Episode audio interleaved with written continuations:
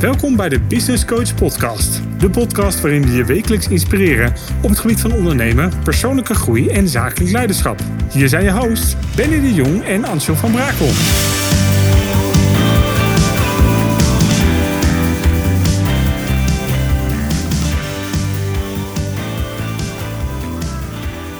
Hey, wat leuk dat je weer luistert naar de Business Coach podcast. Vandaag te gast Hisham Amrani. Hij is eigenaar van Suplinator en zijn ondernemersreis begon in een winkel en uiteindelijk door naar zijn eigen bedrijf. Alles zelf geleerd, met vallen en opstaan, trial and error. En goedemorgen. Goedemorgen. Hisham, uh, stel jezelf even voor, want ik kan me voorstellen dat de luisteraar uh, jou niet heel goed kent, want je zit best wel op een, uh, op een kantoor ergens achterin, helemaal verstopt, het liefst niet in de picture. Klopt, ja. Ik kom ook niet heel veel buiten mijn kantoor. Uh, ik ben Isham, ik ben uh, de eigenaar van een bedrijf genaamd uh, Subliminator. we zijn een print-on-demand bedrijf, um, wat eigenlijk inhoudt dat een ieder met onze software en onze partnerfabrieken zijn eigen kleding kan ontwerpen, zonder dat je voorraad hoeft in te kopen. dus je betaalt ons pas als je een product daadwerkelijk verkocht hebt. Dus wij bieden de tools aan, wij bieden de producten aan. Uh, het enige wat onze klanten doen is uh, uh, zich focussen op het verkopen van de producten. En nadat zij betaald krijgen door hun klant, worden wij betaald. En dan produceren wij het product en versturen wij het direct naar de eindconsument. Leuk. Het klinkt als een, als een heel groot proces.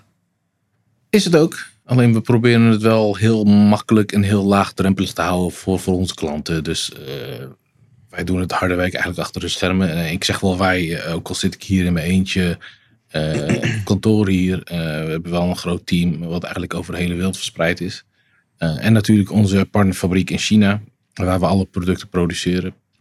dus al met al zijn we zeker zo'n mannetje of 50 sterk. Ja, want je, je zegt het al, je bent hier alleen. volgens mij zit je ook alleen in Nederland. Klopt, ja. ja. Ik, heb, uh, ik ben eigenlijk de enige uh, persoon van Subliminator die in Nederland gevestigd is. Uh, voor de rest zitten we eigenlijk overal. Ik, ik zeg ook altijd dat we een beetje de United Nations zijn.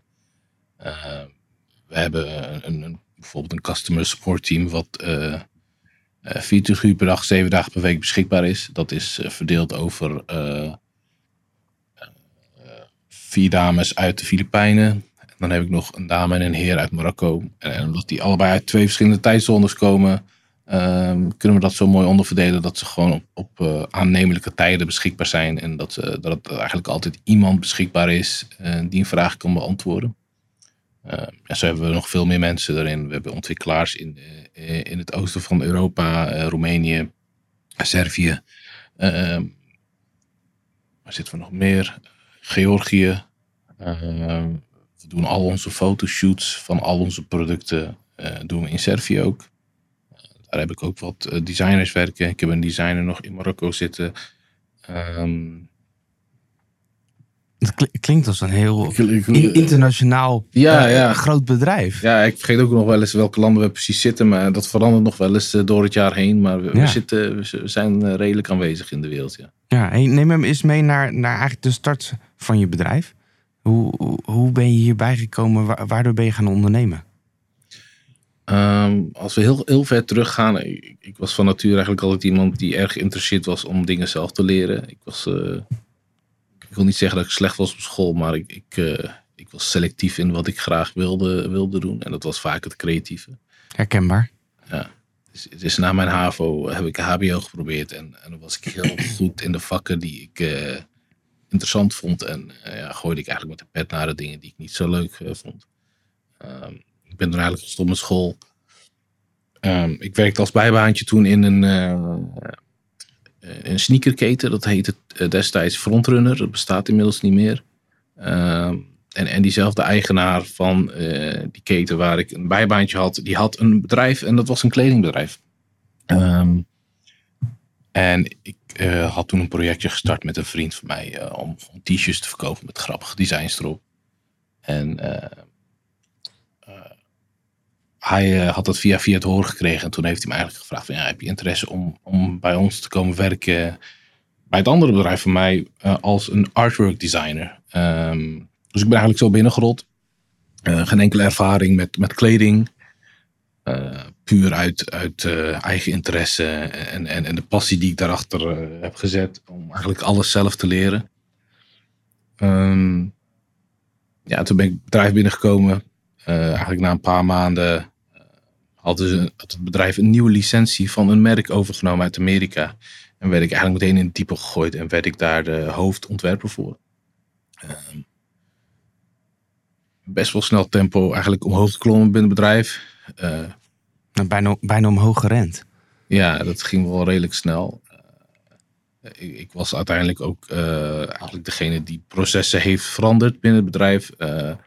hoe dingen aanleveren aan fabrieken, hoe, hoe designs worden uitgewerkt dat hele proces heb ik eigenlijk veranderd omdat ik dingen zag. En misschien is dat ook wel weer een pluspunt, omdat je toch als een buitenstaander binnen een bedrijf komt en, en geen ervaring hebt binnen het vakgebied, maar toch iets probeert te leren. Um, en toch dingen anders ziet, denk ik.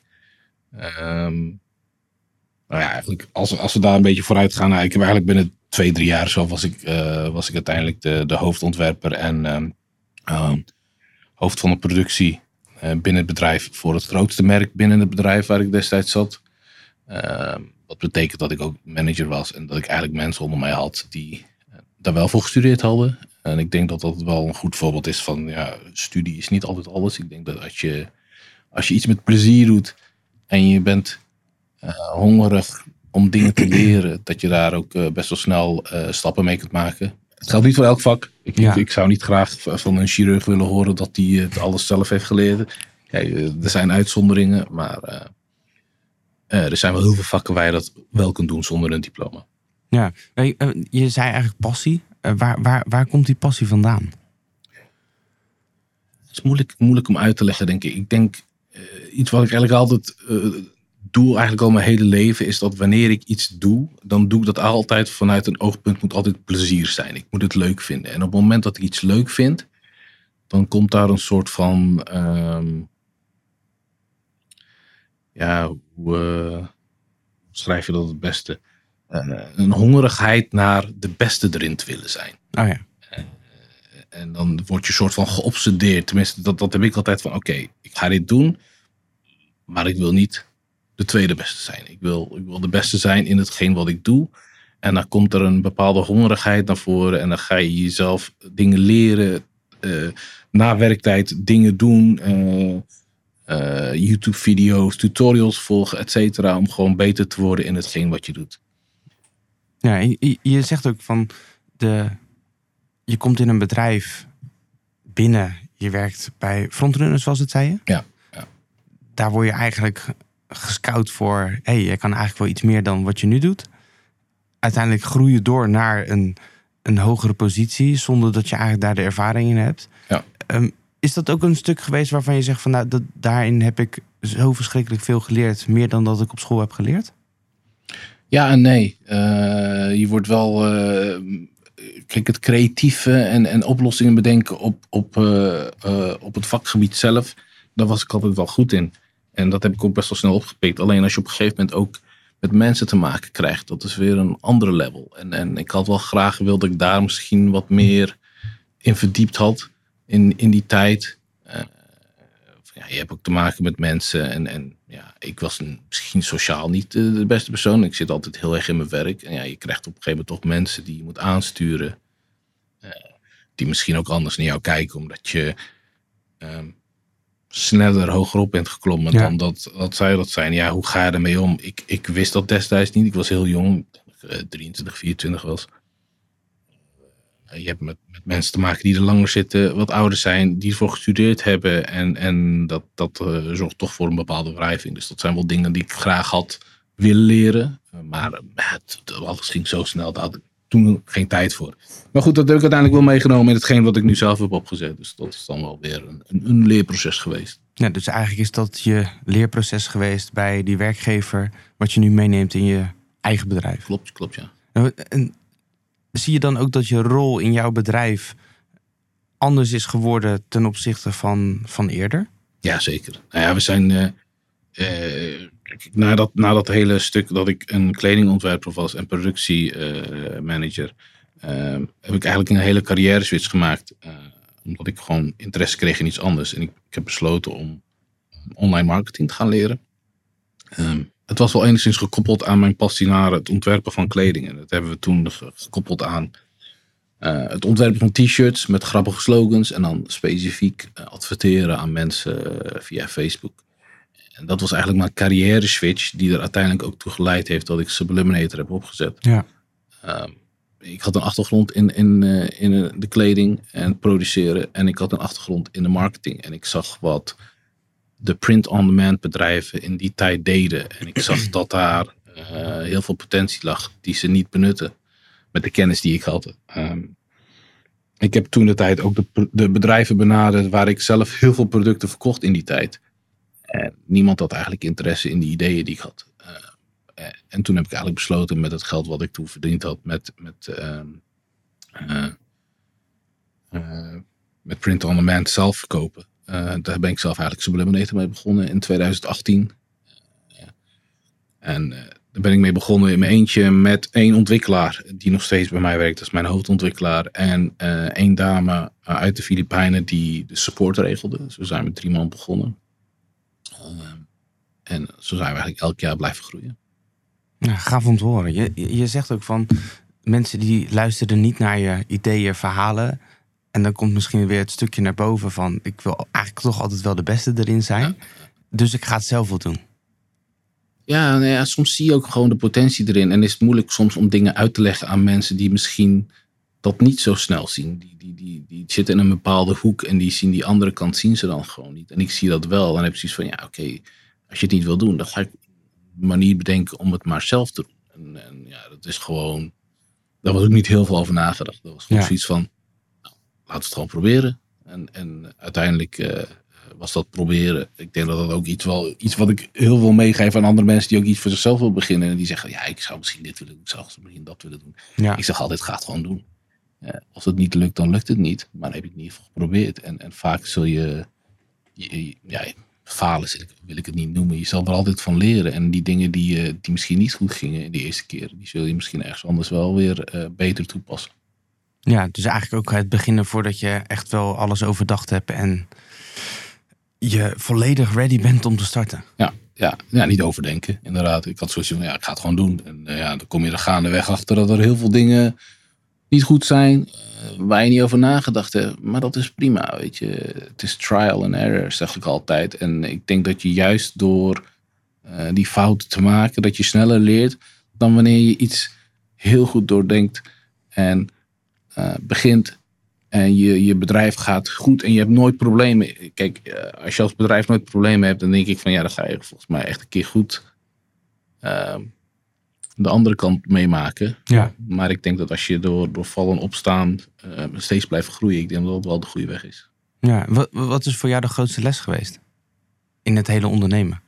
Ja, ik denk dat er meerdere lessen zijn. Ik denk dat ik vanaf het begin af aan, vooral, vooral van ons businessmodel, omdat we met, zoveel verschillende mensen te maken hebben, met zoveel transacties, dat je gewoon in ieder geval je financiën inzichtelijk gaat krijgen. Uh, dat heeft echt wel een, paar jaar geduurd voordat we daar echt werk van hebben gemaakt. Um, ook het investeren in, in, in sales en marketing. We zijn als bedrijf, en dat, misschien is dat een luxe positie, we zijn als bedrijf eigenlijk elk jaar gegroeid met, met eigenlijk geen bestaande sales of marketing afdeling. En dan word je ook een beetje lui. En dat heeft ook te maken met omdat daar niet echt mijn passie lag. En, en daar, ik, was daar niet hongerig naar. Maar ik ben nu op een punt na, na vijf en een half jaar beland dat ik nu wel een sales en marketing team eindelijk aan het opbouwen ben. Maar ik loop een beetje achter de feiten aan. Ik had dat veel eerder moeten doen. En dat is wel een, een leermoment geweest van ja, dat is iets wat ik vanaf het begin af aan al in had moeten investeren en tijd in had moeten stoppen. Uh, maar ja, dat is, dat is achteraf. Ja, en terwijl je eigenlijk wel zegt van ja, ik heb een opleiding gedaan in de marketing. Nee, geen opleiding. Ik, heb, ik, ik ben gewoon daar. Ik ben gewoon gaan adverteren in Facebook advertenties. Ja, ja dat is gewoon een. een, een, een ja, je was self-learned. Ja, was ja. gewoon YouTube-video's en, en, tutorials volgen, inderdaad. En, en, klopt inderdaad. Alleen het was, niet het, het was niet iets waar ik plezier uit haalde. En, en, en, dat is een beetje dan weer hetgeen wat je dan bij zakelijk vlak als leerproces meeneemt, je kan niet altijd doen wat je leuk vindt. En eh, ik vond vroeger ontwerpen heel erg leuk. Eh, Ja. Maar dat doe ik nu ook niet meer. En dat is een, dat is een groei die ik zelf meemaak eh, in die vijf en een half jaar. Waarin ik nu gewoon echt de, de manager ben. En, en iedereen probeer aan te sturen. En processen in, in plaats probeer te brengen. Dat iedereen met elkaar samenwerkt. Maar ook individueel weet wat ze moeten doen. Ja, daar, moet, daar moet je heel veel over nadenken. En, en dat hele creatieve, dat is eigenlijk wel weg. En dat accepteer ik nu ook. Maar dat had ik als 25-jarige waarschijnlijk niet geaccepteerd. Dus ik denk dat dat wel een, een lang traject is geweest om daar eh, overheen te komen. Ja, leuk, leuk dat je dat zegt, want het is echt wel een heel mooi bruggetje. Ehm, je zegt namelijk, door de groei van je bedrijf verandert je rol in je, in je bedrijf. Ja. Van creatieve man naar manager is eigenlijk dat je zegt van ik kan niet mijn volledige creativiteit meer kwijt in wat ik deed, maar je moet opeens mensen gaan aansturen. Ja, het is een ander soort creativiteit. Ja. Eh, en ik denk dat je daar ook voldoening uit moet kunnen halen. Omdat je, uiteindelijk gaat het om de bigger picture. Eh, je, wil, je wil vooruitkomen als bedrijf. En dan gaat het niet meer om wat jij als persoon leuk vindt. Maar het gaat erom dat jij gewoon iets gecreëerd hebt. En eh, ja, daar zitten, daar zit al een x aantal mensen in die, die ook eh, afhankelijk zijn van het werk wat jij ze biedt. En die daar ook families mee moeten voeden. Dus er komt wat meer verantwoordelijkheid bij kijken. En ehm, ik denk dat dat ook wel gewoon een drijfveer voor mij is om gewoon daarin altijd mijn best te blijven doen en mezelf te blijven ontwikkelen. En, en dat we als bedrijf niet straks eh, eh, niet meer kunnen bestaan, omdat ik gewoon mijn werk niet goed heb gedaan als manager. om, om het bedrijf als geheel te begrijpen, hoe we er financieel voor staan Ja. en wat wel en niet goed gaat. Hoe hou, hoe hou je dan voor jezelf toch nog het plezier erin? Want je, je zei net, plezier is voor mij heel belangrijk om te ondernemen. Ja. Ik moet plezier hebben in wat ik doe, want anders ga je het eigenlijk niet meer leuk vinden. Wat logisch is. Ehm, als je kijkt naar, je zegt ook de verantwoordelijkheid, de druk die je hebt van het hebben van werknemers, geeft bij jou een verantwoordelijkheid misschien ook wel weer naar de ik wil de beste zijn. Zeker. Eh, en dat is eigenlijk ook wat de afgelopen twee jaar waar ik me heel erg mee bezig heb gehouden. En, eh, ik hoef niet meer per se dat, dat plezier en dat creatieve te hebben. Ik, ik haal nu plezier uit eigenlijk de day-to-day eh, van het managen van mensen. En als ik zie dat de processen goed lopen, als ik zie dat mensen die in alle delen van de wereld zitten, in verschillende tijdzones, met elkaar meetings hebben, eh, zelf oplossingen proberen te bedenken, dan haal ik daar ook al voldoening uit. En ik toch zoiets van, ja, weet je, je hebt toch een, een team wat eh, vanuit, vanuit de software uit, uit een mannetje of twintig bestaat, die Ja. allemaal met elkaar praten, ehm, waarin ik vroeger heel veel petten op moest hebben. eh, worden die petten steeds minder, omdat er processen, in, in, in, processen ge- opgezet zijn ehm, waar die mensen dat over kunnen nemen van mij. Ja, dan krijg je toch ehm, ja, een andere rol. Eh, ik hoef niet van hot naar her. Ik kan mijn tijd ook wat meer verdelen nu. Ik Ja. kan ook gewoon eh, eindelijk een keer rustig met mijn gezin op vakantie. Eh, omdat ik niet overal bij betrokken hoef te zijn. En dat is ook een proces en daar haal ik ook voldoening uit.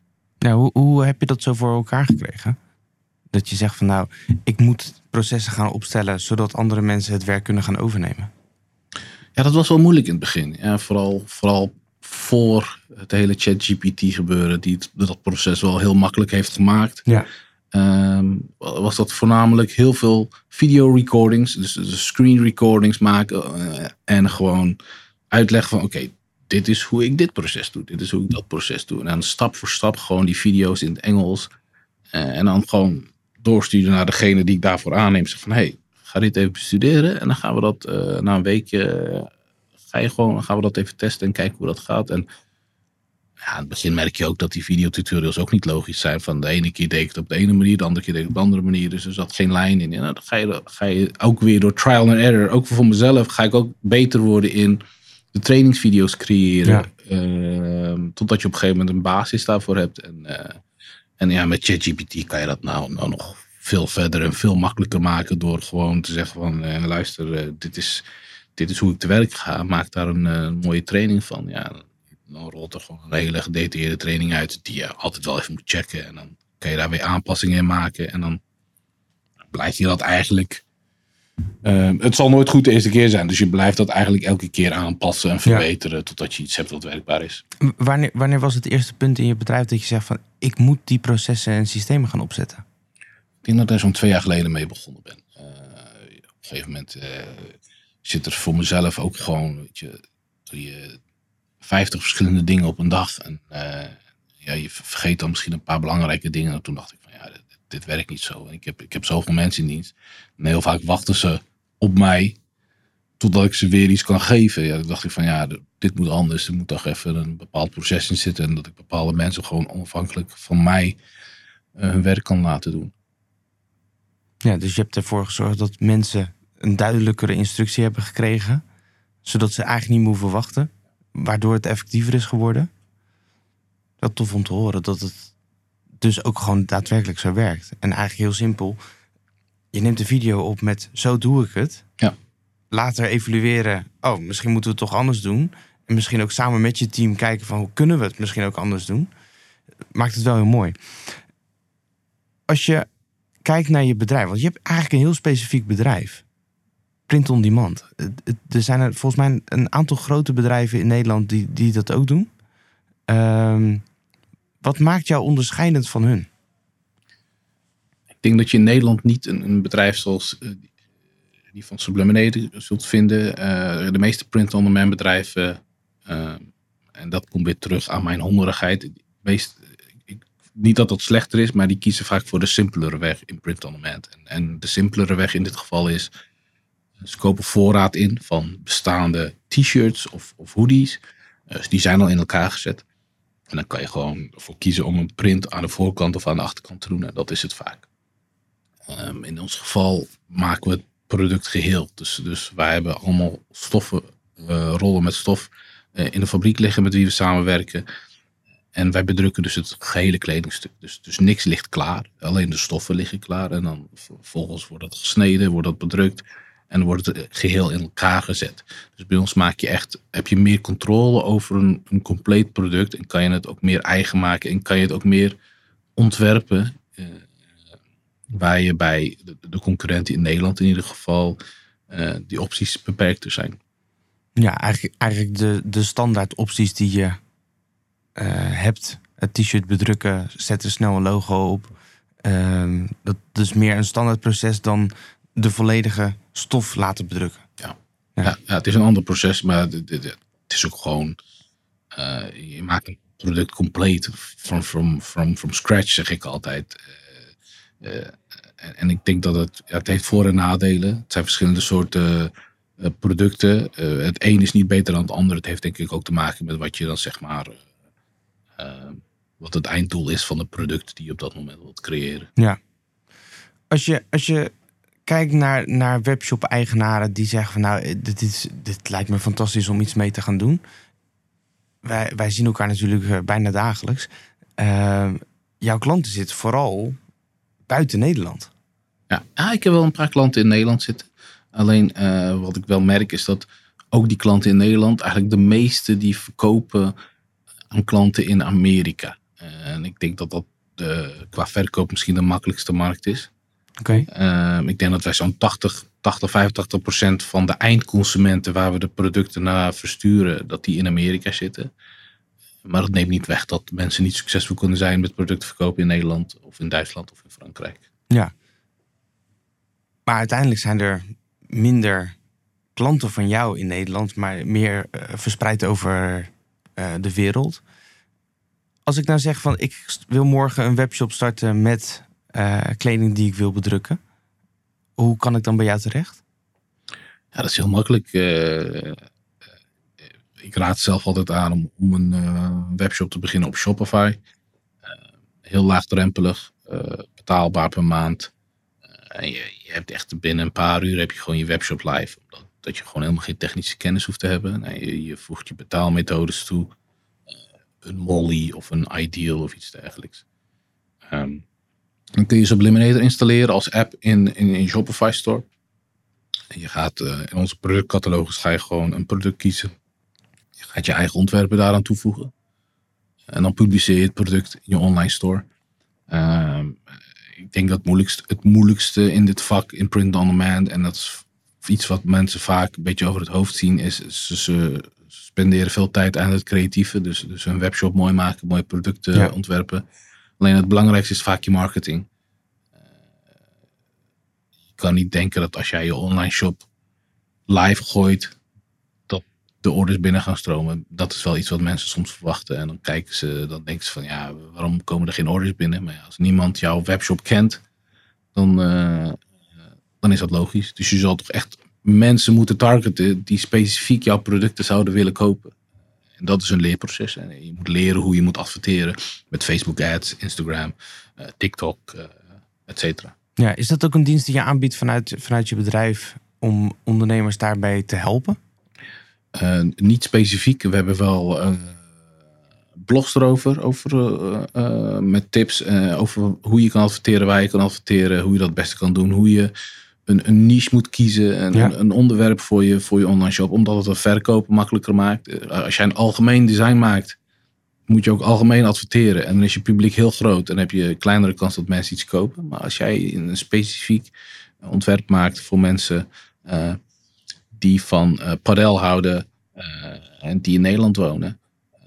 Ja, dan kan je die specifiek targeten met, met Facebook advertenties. En Ja. dan maak je je doelgroep kleiner, maar wel veel gepassioneerder over de producten die jij ze aanbiedt. En dan is de kans groter dat ze iets van jou gaan afnemen. Ja, mooi.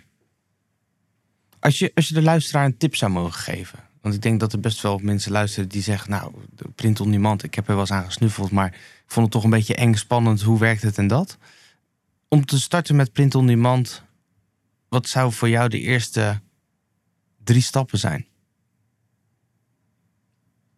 Ehm, ik denk dat er, er zijn verschillende stappen. Ik denk, ik denk wat misschien handiger is, is om te zeggen van welke fouten zie ik veel voorbij komen. En, en de fouten die ik vaak zie voorbij komen, is dat mensen ehm, te veel overdenken. Dus gaan Mhm. bijvoorbeeld een webshop beginnen en daarna hebben ze misschien vijf verschillende logo's gemaakt. En dan gaan ze mensen vragen, ja, wat vind je het mooiste logo? Maar dat is op dat moment het minst belangrijke. Ze gaan bijvoorbeeld 200 producten lanceren voordat ze willen adverteren. Ook dat is niet belangrijk. Je kan met vijf producten kan je al een succesvolle online shop beginnen. Dus, vaak is de tijd om de shop te lanceren is te lang. En er wordt gedacht aan dingen die niet belangrijk zijn op dat moment. Ehm, eh, terwijl je eigenlijk die tijd die je daarin stopt moet spenderen van hoe kan ik adverteren? Wie is mijn doelgroep? Hoe kan ik die het beste benaderen met de producten die ik heb gecreëerd? En ik denk als je daar de focus op legt, eh, zul je heel veel fouten maken. Alleen op het moment dat je die eerste bestelling binnenkrijgt, en dan krijg je een bepaalde adrenaline en dan denk je van ja, het werkt toch wel. En dan ga je jezelf meer eh, de focus leggen op marketing. Dan zie je toch van ja, dit werkt toch wel. Eh, ik ga mijn tijd meer daaraan spenderen in plaats van aan hoeveel logos ik nodig heb voor mijn website. Ja, en uiteindelijk zeggen ze, Hisham had toch wel gelijk. En dat hoop ik wel. Ja, ja, ja. ja. Eigenlijk, als ik hem kort moet samenvatten, is het begin gewoon met een product. Kies er niet te veel, maar maximaal vijf. En start met adverteren. Ja. En zoek je doelgroep, kies je niche. Ja. Ik denk ook wel, eh, omdat we best heel veel ondernemers spreken, dat het best wel ondernemersbreed is eh, om te kijken naar eh, een logo. Oh ja, nee, maar mijn logo moet. eh, oh, hij moet een klein beetje naar rechts. Hij moet een beetje een klein beetje naar links. Ehm, ik denk ook dat het motto moet zijn voor een ondernemer: begin voordat je klaar bent. Ja. Want ik herken heel veel in jouw verhaal van de tri- eh, trial error, omdat ik dat zelf ook heb meegemaakt. Het is niet, vaak niet de meest makkelijke weg. Hoe, hoe heb jij dat ervaren? Het is niet de makkelijkste weg, alleen het is vaak. Ik, zie het als uitstel van executie. Mensen, en dat heb ik zelf ook meegemaakt natuurlijk. eh, mensen willen graag weer de focus leggen op de dingen die ze leuk vinden. En dat is inderdaad dat logootje. Dat is inderdaad het creëren van producten. Maar uiteindelijk wil je geld verdienen. En, en als, je, als je dat vroeg beseft van... hé hey, luister, ik kan wel 200 producten gaan lanceren... maar ja, als ik niet eens weet hoe ik vijf producten kan verkopen... dan heeft dat ook geen nut. Dus, dus laat ik mijn tijd... Laat ik doen, iets doen wat ik niet leuk vind... maar waar ik misschien wel geld mee kan verdienen. En als ik zie dat dat succesvol is... en je uiteindelijk orders binnen gaat krijgen... dan kan je die dingen die je leuk vindt wat meer tijd geven. Dan kan je misschien een mooie logo maken... wat meer producten lanceren. Ja, eigenlijk, komen we dan weer helemaal terug in het begin van, van ons gesprek. Waarvan je zegt van, ik ben toen met die vriend samen eh, die t-shirtsbedrijf begonnen. Ja. was niet helemaal wat het moest zijn. Daarmee heb ik geld verdiend en dat geld heb ik kunnen gebruiken om nu je bedrijf op te zetten. Ja, dat, dat, dat is het eigenlijk ook. Maar ja, soms, soms zijn die leerprocessen nodig. En, en achteraf denk je van ja, al die stukjes, al die puzzelstukjes passen uiteindelijk goed in elkaar. En uiteindelijk is daar Subliminate uitgekomen. Maar op het moment zelf dat je die tegenslagen hebt, dan denk je van ja, niks werkt. Uh, ik weet niet hoe het moet, et cetera. Uh, maar vaak als je dan gaat kijken wat, wat de essentie is van waarom iets niet goed gelukt is, is dat vaak die focus uh, bij de verkeerde dingen lag. En dat betekent niet automatisch dat het, dat hetgeen wat je wilde doen nooit zou lukken. Uh, ik denk misschien als je het nog een keer zou doen, dat je het op een andere manier zou aanpakken, dat je misschien wel succes zou halen, omdat je de focus op de belangrijke dingen legt. En, in dit geval, bij elk bedrijf, uiteindelijk wil je geld verdienen. En dat moet altijd je uitgangspunt zijn. Ja. Hoe, hoe, hoe is dat voor jou? Je zegt eigenlijk je focus behouden. Jij bent 100% zeker. Je bent ook wel eens je focus kwijtgeraakt. Ja. Hoe, hoe heb jij ervoor gezorgd dat je hem terugkreeg?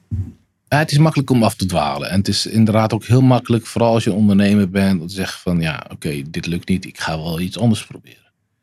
En, en die momenten heb ik ook meegemaakt met Subliminator. Alleen, ik denk dat ik daar, dat dat wel een kracht is die ik heb om zeg maar niet snel op te geven. En, en ook als het even niet mee zit, door te blijven gaan. Ik denk dat je dat als ondernemer, dat iedereen dat wel meemaakt. Um, ik denk dat je juist als ondernemer een hele dikke huid moet hebben en, en veel moeten kunnen accepteren. Uh, vooral negatieve feedback. Je moet daar gewoon mee leren omgaan. Uh, je moet het je nooit persoonlijk aantrekken. Uh, en dat zeg ik. Ik ben iemand die zich zelfs tot op de dag van vandaag elke negatieve uitspraak over mijn bedrijf persoonlijk aantrekt. Alleen dat hoef ik niet te uiten op een bepaalde manier. Alleen ik trek het me aan in die zin van dat ik altijd beter wil worden. Altijd een betere dienst wil leveren. En ik denk dat je, dat je dat ook als ondernemer altijd je doel moet zijn. Dat je altijd, je klant moet altijd nummer één zijn. Uh, uh, en als je die mentaliteit houdt, dan geloof ik niet dat iemand zal falen. Zo zie ik het tenminste. Ja, alleen je hebt nog geen antwoord gegeven op mijn vraag. Oh. Hoe, hoe zorg jij ervoor dat je zelf die, die focus blijft behouden? Zijn er dingen die je, die je standaard doet waarvan je zegt: Oké, op het moment dat ik mijn focus kwijt ben, ga ik dit doen? Of ga ik. Uh, nou, je hebt mensen die heel graag een boek lezen, mensen die rennen in het bos, mensen naar de sportschool gaan. Of heb je iemand die ervoor zorgt dat je even dat duwtje krijgt van: Hey Shem, kom. Ja, ik heb, kijk, wat mis ik wel? Ik, heb, ik, heb, ik zit natuurlijk van, in mijn eentje hier op kantoor. Ik, uh, ik mis natuurlijk wel af en toe gewoon een sparringspartner. Uh, ik, heb daar, ik heb daar wel uh, een tijd terug een, een, soort van coach in de hand genomen. Die mij die mogelijkheid geeft om te sparren. Van hey, ik, ik loop hier een beetje tegenaan. Dit zit even tegen. Wat, wat, wat vind jij er nou van? En dan af en toe een andere mening krijgen is wel leuk. Ik, daarom, ik denk ook dat, dat veel mensen die ondernemen, die dat met, bijvoorbeeld met z'n tweeën doen of met z'n drieën, dat dat beter is. Omdat je dan toch wat meer uh, met elkaar kan sparren en brainstormen. En, en die brainstorm sessies die doe ik voornamelijk in mijn eentje. Ja. Um, dus ik denk dat dat wel uh, dat, dat, dat me wel wat meer uh, focus heeft geboden. Uh, vooral in momenten dat, ik, dat, dat het even niet lekker ging. Dat je toch iemand hebt van ja, die geeft je toch een, bepaald ander inzicht. Dat je denkt van oh ja, daar heb ik nog niet aan gedacht. Ja, nou, dan kunnen we weer verder en dan herpak je die focus weer. Ja, ondernemen kan natuurlijk ook heel vaak eenzaam zijn. Ja, eens. On, los van het feit dat je een team over de hele wereld hebt zitten. Jij zit hier alleen. Ja. En je moet iedere dag toch nog steeds die deur open doen. Je werk gaan doen. Je focus houden. Um, en dan vind ik het echt heel leuk om te horen dat je zegt van ja, eigenlijk heb, ik heb je wel eens iemand anders nodig om daarbij weer verder te kunnen komen. Ja, zeker. En dat, en dat wist ik eerst ook niet hoor. En pas op het moment dat je dat dan doet, en dat je denkt van ja, je hebt toch iemand die jou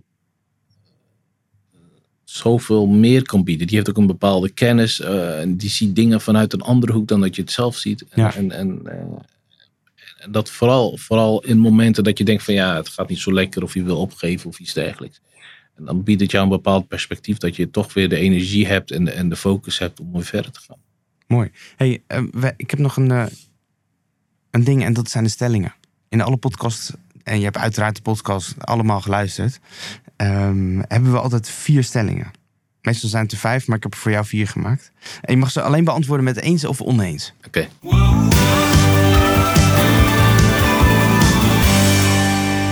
Stellingen en vul maar aan. Stelling 1. Er moet iets gedaan worden aan de retourzending van grotere bedrijven. Eens. Door print-on-demand te gebruiken voorkom je verspilling. Eens. Vanuit Nederland ondernemen in het buitenland zou iedereen kunnen. Eens. AI heeft mijn werk zoveel makkelijker gemaakt. Eens. Wauw. Allemaal eens? Ja, 100%. 200%. Ja? Ja. Wat maakt het dat 200%? Ja, het klopt allemaal gewoon. eh. er is geen twijfel over mogelijk. eh, vooral de laatste eh, vraag. ik denk dat als je vooral als nu als enkele ondernemer je wilt iets beginnen.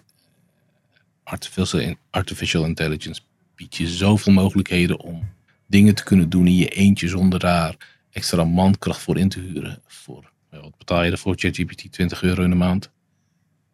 Eh, het, kijk, je zult heel veel fouten ma- blijven maken. Alleen het vergemakkelijkt zoveel processen en dingen die je in zo'n snelle tijd kunt eh, bewerkstelligen. Waar je normaal dagen mee bezig bent, doe je nu misschien een kwartier over. Eh, en je kan veel meer petten dragen door ChatGPT. Je kan die marketing pet opzetten, je kan die copywriter pet opzetten. Het zal perfect zijn. Nee, natuurlijk niet. Maar je hoeft ook niet perfect aan de slag te gaan. Is, is dat ook... ehm, ik, ik vond vooral eh, stelling 2. Door print-on-demand te gebruiken eh, voorkom je verspilling. Is dat ook een, een doelstelling vanuit jou en je bedrijf... om ervoor te zorgen dat er ook kleding gemaakt kan worden op bestelling... zodat je die verspilling voorkomt? Ja, 100%. Ja, dat is eigenlijk het hele businessconcept. En, en daar, daar voegen wij ook nog eens een stukje milieu aan toe. Door eigenlijk eh, steeds meer over te stappen naar recycled eh, stoffen, eh, materialen. Eh, kijk, we produceren pas op het moment dat die bestelling binnenkomt. En, en ik lees het elk jaar weer over hoe grote bedrijven zoals een H&M, een Zara overproduceren. En die dingen die blijven allemaal liggen en dat eindigt uiteindelijk gewoon op de, op de vuilnisbelt. Uitera- Uiteraard de kosten bij zo'n bedrijf zullen lager zijn. Dus die producten kunnen ook goedkoper verkocht worden. Ja. Alleen bij ons betaal je misschien iets meer. Alleen er wordt nooit over, overgeproduceerd. Ja, en daarmee voorkom je juist die verspilling. Ja. Ja, super gaaf. Ehm, waar kunnen mensen jou vinden als ze iets meer van jou willen weten? Ehm, over het bedrijf Subliminator kunnen ze naar subliminator.com. Het is gratis om te gebruiken. Dus het is wederom heel laagdrempelig. Het kost je niks om het even te proberen. Om je eigen kle- kleding te ontwerpen. Al is het maar voor jezelf. Je kan voor jezelf een kledingstuk eh, bestellen. Eh, je hoeft daar niet per se een online shop voor te hebben. Eh, ik ben te vinden gewoon op LinkedIn. Hisham Amrani. Ja, de rest, ik zit niet heel veel op socials. Maar op LinkedIn kun je wel vinden. Leuk. Nou, ik denk dat we nog wel heel veel meer van je gaan horen. Ik hoop. Ja, zeker. Ik zeg dankjewel Ja, bedankt. en op naar de volgende. Zeker.